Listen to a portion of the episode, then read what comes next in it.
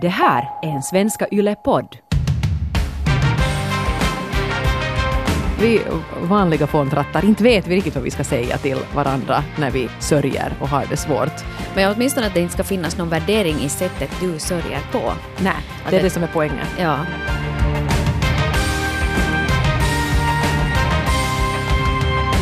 Alltså Hanna, det här är ju en, en podcast som ofta är ganska gladlynt. Alltså, vi, vi har ofta hemskt roligt och vi sitter och skrattar mycket när vi pratar om också ganska viktiga grejer. Men jag tror att det här kommer att bli ett lite mer dämpat avsnitt. ja. Vi efterlyste frågor kring sorg och hur, vad, vad du skulle vilja höra då du var igenom någonting jobbigt i livet. Och eh, vi är båda överväldigade av alla de här historierna som kommit in. Tusen tack till alla er som har vänt in och ut på era hjärtan och verkligen liksom berätta allt om, om, om eh, jobbiga situationer. För det är ju så, jag menar vi kan sitta här och skratta i avsnitt efter avsnitt åt det ena och det andra. Men eh, till livet hör ju också motgångar, kriser, dödsfall, missfall, vet du, man blir utbränd. Vet du, elände, det hör ju till. Och därför är det, tror jag också viktigt att man, man ger sig ner i avgrunden ibland och, och vevar runt lite där. Och vår tanke här med dagens avsnitt är ju inte förstås att vi ska sitta här och känna oss riktigt miserabla i en halvtimme. Utan ni har kommit med så hemskt mycket konstruktiva idéer. Vad som funkar, vad som inte funkar. Så det har varit, åtminstone för mig, väldigt lärorikt att läsa era berättelser. Och det vill jag också poängtera här att fast vi bara hinner ta upp en bråkdel av era stories här i podcasten och på, på webben så vi läser ju faktiskt alltså varenda ett ord som ni skriver till oss. Och nu är det igen en sån här situation att jag blir så ödmjuk. Jag blir så liksom tacksam och rörd över att ni har satt er ner och skrivit så här i detalj. Eh, riktigt långa svar har en del av er skrivit till oss här. Det är fint att ni låter oss få ta del av det här. Tack, tack. Eh, Eh, det som jag tycker att det är bra och konstruktivt med alla de här eh, sorgliga historierna är ju förstås det, just som vi efterlyste, att, att vad, vad behöver man få av sin omgivning då man är där nere i träsket och, och, och rullar runt. Många säger ju det att man blir ganska ensam i sorg. Och det, jag tror många känner igen sig i det där att då du har en kompis eller en familjemedlem som är i sorg, du vet inte riktigt hur du ska närma dig den och det känns som att vad du än gör så, vad om jag säger fel eller vad om jag gör det ännu värre. Vilket gör att man kanske lä- lättare liksom drar sig undan istället för att göra någonting. Och här finns ju faktiskt, trots att här finns mycket elände, så finns det också många fina exempel som jag tror att vi alla kan ta till oss och tips på hur man kan hjälpa en kompis i nöd. Och jag börjar ju faktiskt när jag har läst här era berättelser tänkt på det här att oj, att jag har ju haft en bekant som har varit lite i den där situationen och jag insåg ju då att jag, jag gjorde helt fel. För jag har just gjort så som du säger Hanna, att jag har kanske lite tänkt att nej, jag ska nu inte störa och gå dit och säga något klumpigt eller prutthurtigt och, och liksom på något sätt strö salt i sår och, och, och oj nej, att, att jag ska nu låta dem vara i fred. Och det tror jag, ni som har skrivit, ni är ganska överens om att det är nu det sista man ska göra. Att till och med bättre då att säga någonting prutthurtigt eller tokigt eller sånt här, men åtminstone poängtera att jag bryr mig. Jag är här och, och jag vet vad som har hänt och jag är ledsen. Och sen kan det också vara det där att det ibland kan kanske en prutthurtig kommentar som inte alls handlar om det där tragiska vara just det som man behöver. Att vad heter det, det kan jag åtminstone själv känna igen att det har varit långa perioder av elände utan att gå in på det desto mer nu i det här sammanhanget men, men då har jag känt att, att det, det är så skönt att tala om någonting annat istället. Att vet du, man sitter på lunchen och har lite läppatävling istället. Ja. Att man orkar inte alltid vältra sig runt heller i allt, allt det eländiga i livet. Och det där är ju det också som många säger att när man har varit med om någonting svårt att, att det är ganska skönt i alla fall att få tillbaka på jobb till exempel. Vardagen går vidare och man får ens för korta stunder fokusera på någonting helt annat. Att det är det som är den bästa terapin. Men samtidigt är det ju det här med att inte vet man på förhand hurdan man kommer att vara när man har drabbats av sorg. Det är omöjligt att veta. Och, och jag till exempel, jag har, aldrig, jag har hittills inte drabbats av någon så stor sorg. Jag har liksom inte varit med om att någon som står mig riktigt nära skulle ha, skulle ha dött. Det har liksom varit äldre släktingar och det har liksom känts ledsamt men, men naturligt och så här. Eh, men däremot så har jag ju varit med om sådana här... Nu ska jag inte förringa det heller, det var jättejobbigt. Jag hade en livskris. Eh, allt gick tokigt på en gång. Barnen fick inte dagisplats. Pengarna tog slut och vi var mitt i ett husbygge och jag tappade håret. Eh, Det var liksom mycket som hände på en och samma gång. Och, eh, och framförallt det där att tappa håret var ju någon sorts reaktion på, på den här sorgen som jag kände och oron och bekymret. Eh, och det hade jag ju aldrig kunnat veta att, att någonting sånt skulle kunna träffa, liksom inträffa. Så att dels hanterade jag då sorg på, på det ganska fåniga sättet. Eh, och då var det nog då var det nog jättefint när folk liksom bara uppmärksammade det här som hade hänt eh, och inte försökte liksom släta över utan faktiskt fråga att, att, ja, berätta gärna mera. De ville liksom, ja, jag bloggar ju väldigt mycket om det här. Och då blev jag ju också lite som en sån här, som någon sorts frågespalt för andra människor som hade tappat håret. hur har du gjort det här och hur har du gjort det här? Och det hjälpte ju mig jättemycket att, att liksom bearbeta min, min, min sorg över, över den här sjukdomen jag hade fått genom att kunna liksom sprida den kunskap som jag nu ändå hade skaffat mig under mm. vägen. Men du är alltså en av dem som gärna liksom pratar om, om svårigheterna medan du ännu är i dem? Kanske inte genast. Och så kanske jag inte sådär att jag, jag ringer ju inte upp en kompis och säger att nu ska jag berätta om hur hemskt jag har det.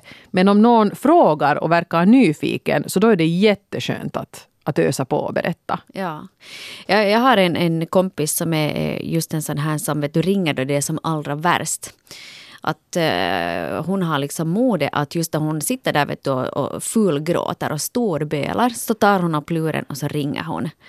Och, och, det är ju jättebra. Liksom. Mm. Jag är glad att, att kunna finnas där för en sån kompis. Det, personligen så skulle det aldrig falla mig in att ringa någon i en sån situation. Utan jag vill liksom sköta mitt i lugn och ro och sen kan jag i efterhand sen berätta om hur det egentligen var.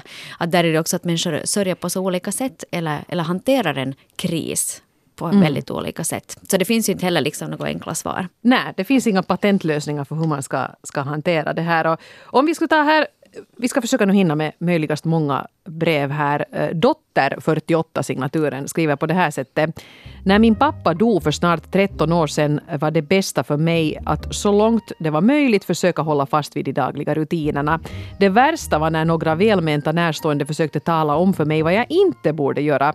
Jag fick känslan av att de ansåg att jag utåt sett var, en så, var så lugn och då sörjde jag inte på rätt sätt. Men vi sörjer alla på olika sätt. Det jag hade önskat var att dessa självutnämnda sorgeterapeuter också hade insett det här. Mm. Det där tycker jag är en himla bra poäng. En del kanske inte utåt sett verkar sörja alls fast det, det pågår ett helvete där inuti. Ja. Och då ska man inte komma in och döma. Ja, man kanske inte vill dela det heller med alla som kommer in och, och just som hon skriver här, eller henne skriver, ja hon ja, den dotter, ja, att alla dessa självutnämnda sorgeterapeuter. För jag menar sist och slutligen så är ganska få av oss det. Att man kanske låter folk då vara så som de vill. Mm, precis. Man kan inte alltid förvänta sig att kompisarna ska komma med liksom jätte... Jag menar, det finns riktiga terapeuter, utbildat folk som kanske vet vad de ska säga. Men vi vanliga fåntrattar, inte vet vi riktigt vad vi ska säga till varandra när vi sörjer och har det svårt. Men åtminstone att det inte ska finnas någon värdering i sättet du sörjer på. Nej, det är det, som är poängen. Ja. Mm. Uh, här är också en annan uh, historia som säger att, uh, som poängterar någonting som jag själv faktiskt också håller väldigt mycket med om och har upplevt också. Signaturen Anonym 28 skriver så här. Jag tror ju på att mina väninnor vill mig väl och gör sitt allt för att stödja mig i stundvis väldigt tunga livssituationer. Men ibland så önskar jag att mina vänner skulle förstå att de inte förstår. Ibland räcker det att säga jag förstår att det är tungt och låta bli att säga jag förstår precis hur det känns. Jämför inte min pappas bortgång med hamsterns bortgång tack. Mm. Och det här är just det här, liksom, tror jag, att då du talar med någon som går igenom en kris hur frestande det än är att komma med den där storyn, hur det gick för dig och hur du reagerar i den situationen, att kanske lämna den till en annan gång eller då du är ombedd att göra det. För att jag tror att just när man börjar jämföra, för då tar du ju fokus bort. Nej, Men precis. du kommer hem till kompisen som går genomgår världens livskris för att tala om det här och sist och slutligen så talar du bara om dig själv. Det är sant. Ja, och det där tror jag också är en mekanism som man lätt tar till. Det blir någon sorts felkoppling i hjärnan där man tänker att, att jag kan på något sätt ta lite av din börda nu om jag berättar att jag har varit med om samma så att du liksom vet att du är inte ensam i det här utan jag har det också hemskt. Mm. Det blir ju helt fel. Däremot tror jag det kan vara helt bra om man har varit med om precis samma sak. Man till exempel har förlorat en förälder eller, eller ett, ett barn nyligen eller haft ett missfall. Så då tror jag att det kan vara en helt bra grej att, att säga det att, att jag har ju varit med om lite det här samma och om du vill prata med mig så säg till så, så diskuterar vi. Att man liksom signalerar att, att mm. vill du veta någonting om hur jag gjorde så, så, så sjung ut men, men inte liksom komma och vältra den här egna storyn över den här som ännu är mitt i sorgen. Åtminstone inte i den där akuta fasen. Nej. Då det liksom är sådär akut sorg och, och kaos och kris. Att kanske sen längre fram, för det här funkar, så funkar ju också sådana här grupper där man träffas för att till exempel bearbeta sorg eller, eller som ger sådana här, såna stödgrupper helt enkelt. De går ut på det att man delar erfarenheter och man får, en, man får tröst i det att man inte är ensam. Men kanske inte just då vet du då den här ena är, är mitt i det. Nej, precis. Nej. Och man måste också få vara lite när det är riktigt hemskt så måste man få vara i en liten egobubbla. Man kanske inte ser det så, det kanske inte är så ens egentligen. Men man ska inte liksom behöva ta in någon annans svårigheter. Mm. Ja, man kanske inte orkar bära det heller. Liksom, att om vi tänker att du har varit med om till exempel dödsfall. Mm. Den andra börjar att ha ett akut, eller någon ganska färskt dödsfall. Du ork, som, som akut sörjande orkar du inte bära upp den andra personen. Och det är ganska själviskt att förvänta sig på något vis att man själv ska få det stödet. Då, då måste man nog söka det någon annanstans ifrån. Mm. Det är lite råddigt men jag hoppas ni förstår vad jag menar. Molly 30 har skrivit till oss så här. När jag var med om en plötslig och dramatisk separation. Eh, det som inte hjälpte var att mina föräldrar bidrog till sorgen genom att säga det är så tungt för oss att se dig ledsen. Då tänker man bara att Nå jaha, men vad kan jag göra åt det? Ni behöver inte vara nära mig. Då blir det ju lättare för er.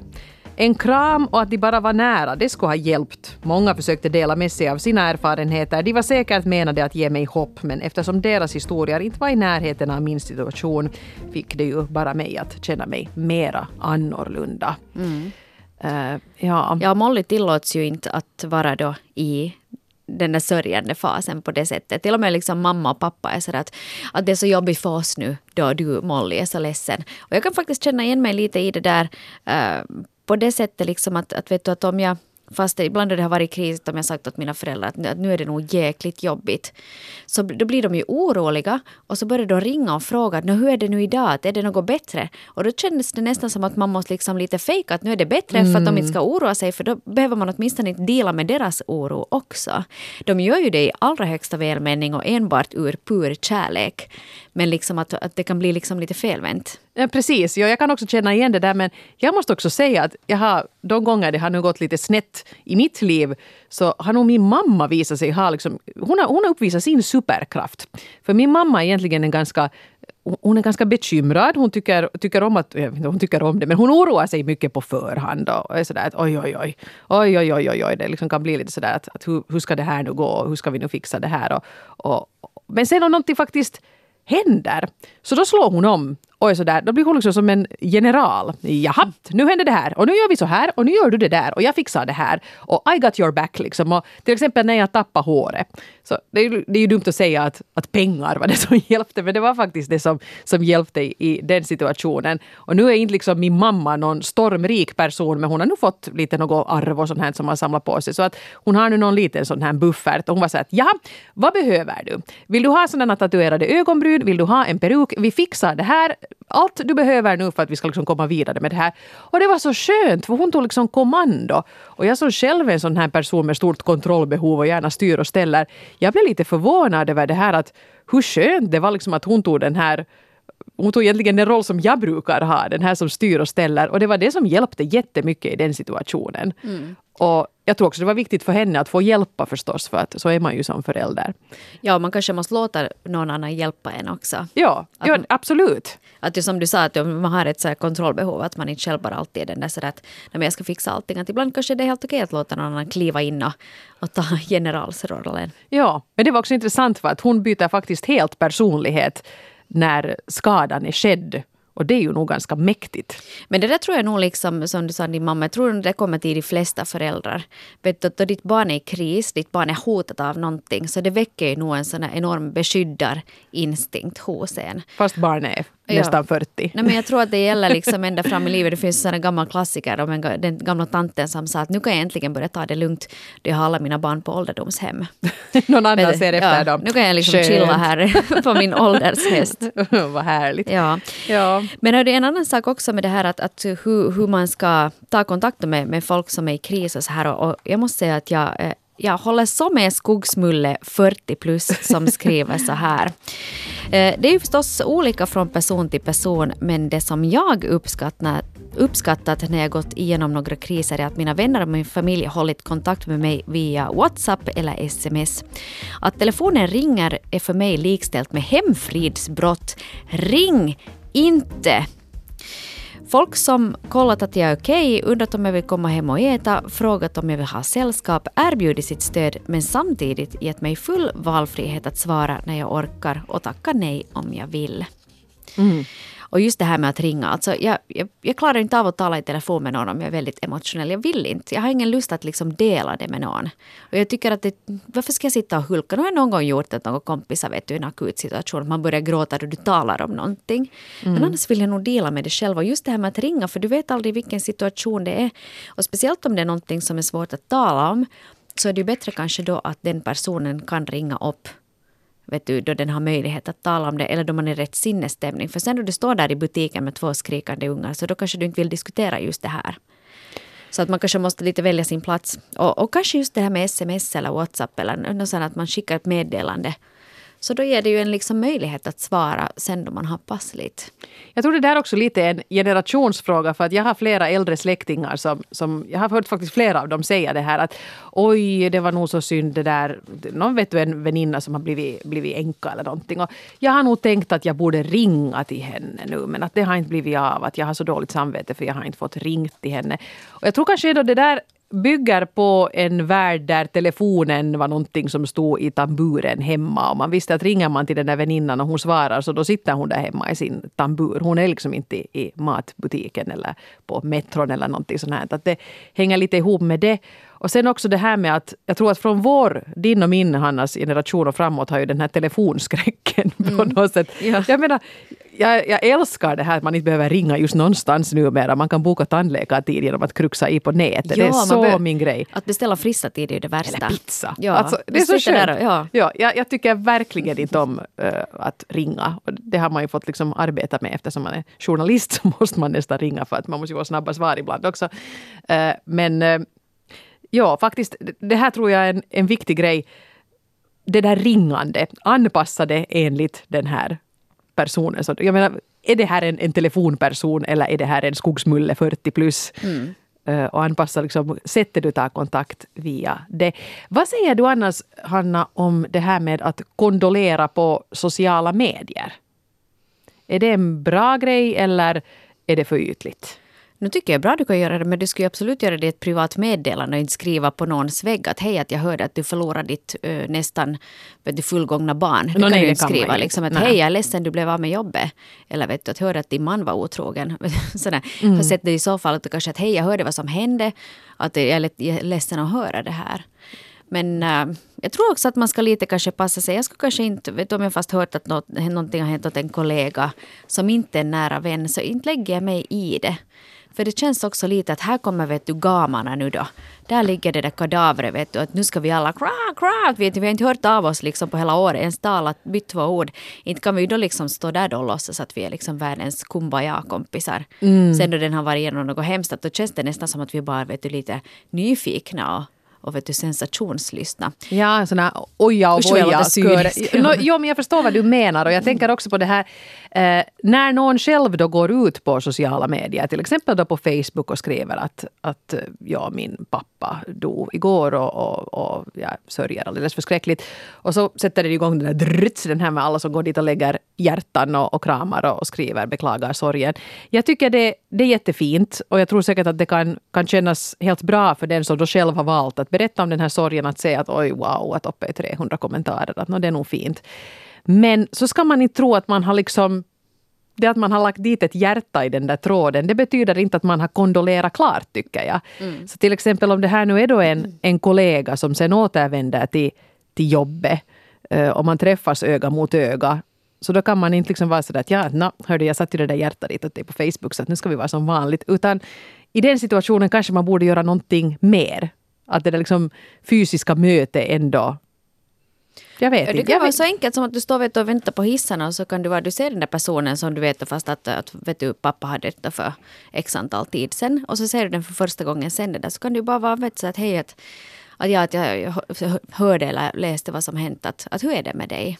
Ja, precis. Kiva att du är tillbaka här men hur orkar du med allt? Eller vet du någonting sånt? Ja, och sen också vara tydlig med det här. Och du behöver inte svara om du inte vill. Liksom sådär. Mm. Att eh, ändå sätta ansvaret på den där själv. För där blir alltid Uh, där blir alltid det där att ska jag nu, ska jag nu liksom låta som ingenting och, och liksom så här. Eller att är det nu jobbigt när du nu har liksom, eh, tvättat ansiktet och tagit på en, en struken skjorta och tagit dig hit till jobbet. Att jag nu liksom sen kommer här och påminner om det här. Och det är ju helt dumt för jag menar inte har ju den här personen glömt det som har hänt bara för att hen då försöker hålla upp en, en fasad av att allt går vidare. Mm det där, det där tycker jag är jättesvårt. Jag känner här igen att jag har gjort fel några gånger. För att jag kanske inte, det är lite det också med vår arbetsplats här. Vi sitter, vi sitter i ett enormt öppet kontor. Och då känns det inte riktigt heller okej att liksom stega fram till den där kollegan som har varit borta ett tag för att bearbeta sin sorg. Och säga att nå hej, kiva att du är tillbaka. Utan det finns inte liksom... Märker du att det knattrande upphör så här? Ja. Mitt i allt så lyssnar hela landskapet. Det där vill man ändå göra privat. Man vill ja. liksom faktiskt haffa den här personen vid, vid hissen eller någonting och, och säga det lite sådär diskret. Mm. Eller sen kan du också, vad heter det, det här som, som signaturen Edith 40 plus skriver just det här om att, att eh, att sträcka ut handen. Hon skriver så här att en arbetskamrat och en vän sa du kan ringa mig när som helst, när som helst på dygnet. Och det hjälpte att prata med sådana som har varit med om liknande som jag hade varit med om. Och där är det, kan det ju vara en sån att man liksom på det sättet sträcker ut en hand, säger att jag finns här för dig. Just det här med den ringande. Mm. att liksom att du, du kan ringa mig. Det som jag tänkte bara på det här, en, det här är kanske en liten fånig kommentar till det här, men, men att ringa mitt i natten, för det är ju det sånt som man brukar säga. Jag har sagt åt mina kompisar också, jag menar det. Det är klart jag svarar fast de ringer mitt i natten om det är en akut kris. Men jag har nog aldrig ringt åt någon mitt i natten och inte har någon faktiskt ringt åt mig heller mitt i natten. Sådär. Mm. Nej, kanske man inte ändå täcks. Nej. Jag så att nu ska jag här om, prata om min eländiga expojkvän ja. klockan halv fyra på morgonen. Så att, nej, det kan nog faktiskt vänta tills imorgon efter klockan nio. Ja. ja. Men, men om, man nu, om man nu faktiskt riktigt, om man är riktigt, riktigt, riktigt djupt om nere. Ja, om det liksom är sådär att man börjar vara du, du, är på väg att hoppa ner från balkongen ja, så ring du, vem som helst. Ja precis, då ska du ju göra det uh, också. Hanna Norrena kan du ringa till. ja, du kan ringa till mig. Jag har alltid ja. på min telefon på natten. Eh, no, Ifall någon inte. skulle vara i en akut kris. Jag är ja. så jourhavande medmänniska. Anyway. Kanske det är det som Norrena och Frans, vi är ju en public service-podd. Ja. kanske inte ändå. Kanske inte ändå. Men, men ja, jag menar Ja, är det riktigt illa så ska man ju ringa till den som har sagt att man får ringa, absolut. För att man, man säger ju inte det om man inte menar det. Nej, så ja. är det. Mm. Förutom vänner så finns det också olika eh, instanser som hjälper till då, då, då man är i en djup kris. Och flera av er har faktiskt nämnt kyrkan som har varit till stor hjälp och ett stort stöd liksom i en krissituation. Bland annat då Livette, 49, som säger så här. Min son begick självmord. Det som värmde var hur gemenskapen i kyrkan tog emot mig.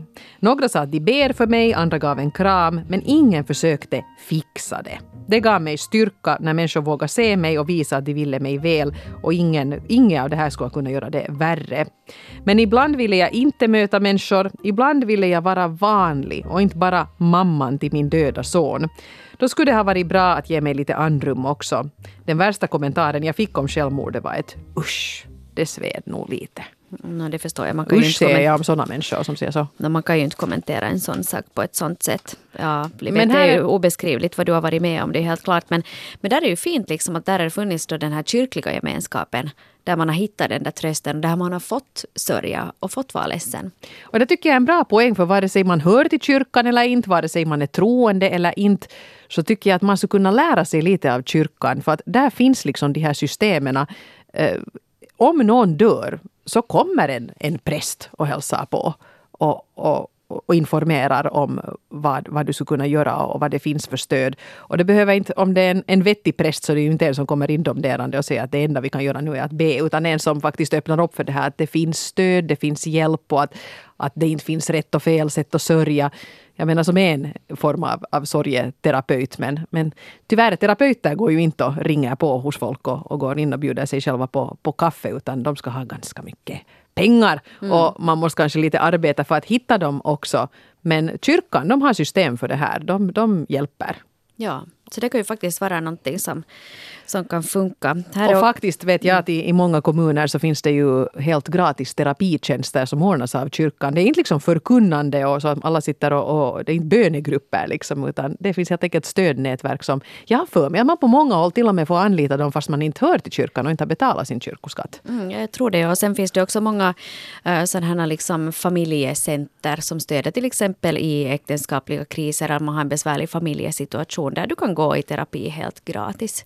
Så att det är nog bara att liksom kolla upp där. Och där tycker jag också att, att även om det är väldigt modernt att dissa kyrkan på alla sätt och vis. Men jag, tycker att kyrkan är fin för att den, liksom, den hjälper alla de som ingen annan riktigt vill hjälpa utan för att få en hundring liksom, mm. som tack för besväret. Och jag tycker att det är viktigt att vi ändå liksom har, att det finns sådana ställen dit man kan gå trots att du inte har pengar, trots att du inte riktigt vet vad du ska ta dig till i livet. Och det blir inte världens blankettkrig när du ska få ersättning för den här terapin du har hittat. Utan det, det finns i Finland system mm. där du får hjälp annars bara. Mm.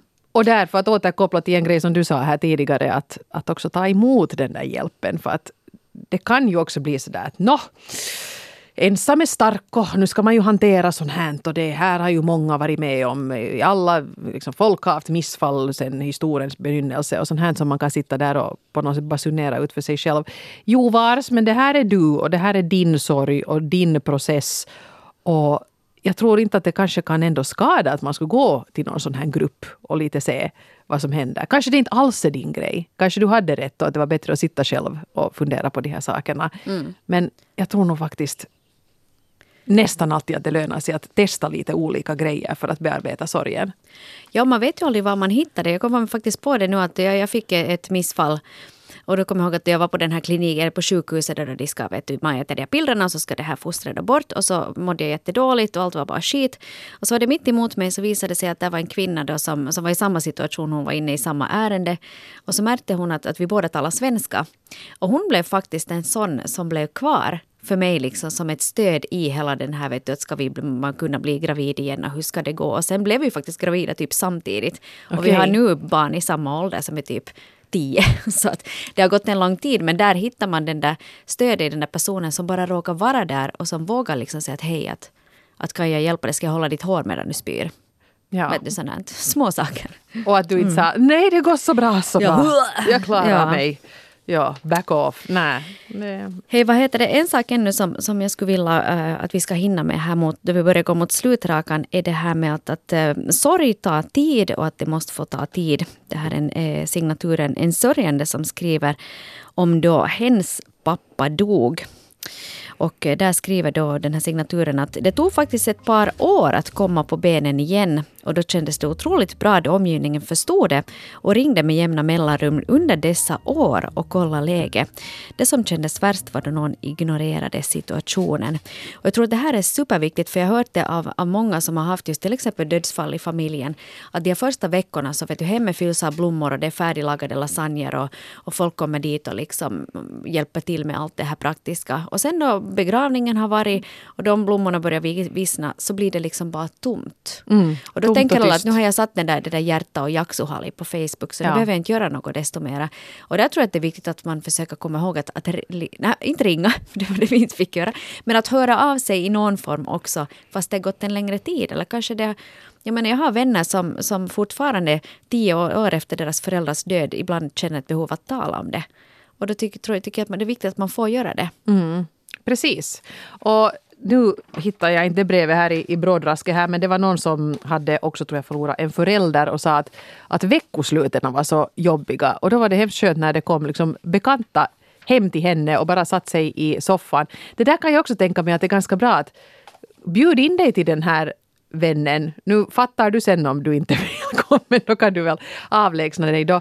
Men om man är mitt i en sorg, det skulle kunna vara ganska skönt att någon kommer med en pizzakartong under armen och säger att ska vi titta på Paradise Hotel. Mm. Och så kanske man sitter där och slöa och liksom inte ha ett terapisamtal om det inte är det som behövs just då. Men att liksom inte bli lämnad ensam. Och det där tror jag kan behövas en lång period, precis som den här brevskrivaren intygar här. Jag gillar den där uh, den där liksom idén. Att du kommer in med någonting och just att du förväntar dig att bli bjuden på någonting. Att just att du kan komma med en pizzakartong eller en påse med bullar eller någonting. Ja. Att du har med dig något sen. Att inte den andra ännu till måste känna att oj shit, nu har jag inte städat och inte har jag några bullar och vet du, allt är bara att jag är ännu sämre människa på grund av det. Nu sätter vi oss ner och bara är. Ja. Och, och så får den som är i sorgen få lite bestämma där att ska vi, ska vi älta, ska vi diskutera, ska vi gråta eller ska vi skratta åt Paradise Hotel? Mm. Hörrni, ännu avslutningsvis ett eh, tema som väldigt många av er har, har, skrivit om och just eftersom det är så många som har pratat om just det här ämnet så tänkte vi att vi kommer att göra ett helt skilt avsnitt kring uh, det här med missfall och uh, ofrivillig barnlöshet. För det är många av er som har skrivit och, om just den här sorgen som finns i det. För det är en väldigt privat sorg och, och man, vet, man, vet, inte riktigt när det blir ett slut på det. Det är mycket ovisshet och det är många av er som har skrivit mm. om det här. Men, men vi, vi hade i alla fall några några eh, några ord på vägen då det kommer till det här ämnet också, i det, redan i det här skedet. Absolut, jag tänkte faktiskt att jag skulle vilja läsa upp en, en liten snutt ur en kolumn som vår kollega Marianne har skrivit här för, för några år sedan. Och, eh, Marianne hon var, hon var med om det att eh, hon, hon var med om en hel graviditet men, men så blev det alltså inget barn. Och det här var ju alldeles fruktansvärt och hon har skrivit en väldigt fin kolumn om, om tankarna kring det här och att mycket fungerar bra. Vården fungerar bra, krishjälpen fungerar bra. Men så skriver hon så här på slutet. Den här kolumnen hittar du förresten alltså på svenska.yle.fi om du söker på Våga möta sorgen. Jag rekommenderar den varmt för alla och en var. Så här. Det är svårt med råd om en så individuell sak som sorg, men allmänt vågar jag nog säga att du ska höra av dig till den som förlorat någon. Vet du inte vad du ska säga? Säg bara det. Jag vet inte vad jag ska säga, men jag är så ledsen för det som har hänt. Berätta inte om dina egna sorger och bekymmer, inte när den andra sorg är färsk. Det är fel tillfälle. Säg inte att du förstår, för du kan inte förstå. Och försök inte trösta, för det finns ingen tröst. Säg inte ring om du behöver något, utan ring själv och erbjud konkret hjälp. Var aktiv flera gånger, för den sörjande orkar inte vara det själv. Och får du inget svar ska du nöja dig med det en stund. Alla orkar inte berätta. En del kanske vill byta samtalsämne.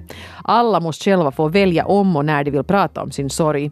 Men när de orkar och vill, då ska de få göra det. Och då måste omvärlden vara redo att möta dem. Tyckte det var en väldigt fin och konkret sammanfattning. Mm. Våga möta sorgen heter alltså den här kolumnen som finns på svenska.yle.fi. Nu har jag en sån här känsla av att nu har det igen runnit iväg en halvtimme och det här blev på något sätt bara ett ytskrap för att det var tunga och svåra grejer ni skrev in till oss om. Och eh, det här var nu vad vi hann med här idag, men vi måste liksom fortsätta att våga diskutera sådana här saker också. Mm. Och fortsätt gärna att skriva till oss via våra formulär som ju dyker upp varje vecka på webben eller till relationspodden yle.fi. Mm. Och på svenska.yle.fi så kan du också läsa mera historier om just sorg och, och hur man som medmänniska bäst kan hjälpa sin kompis genom den. Nytt avsnitt av eh, Norren och Frans igen om en vecka. Ha det riktigt bra tills dess. Hej då!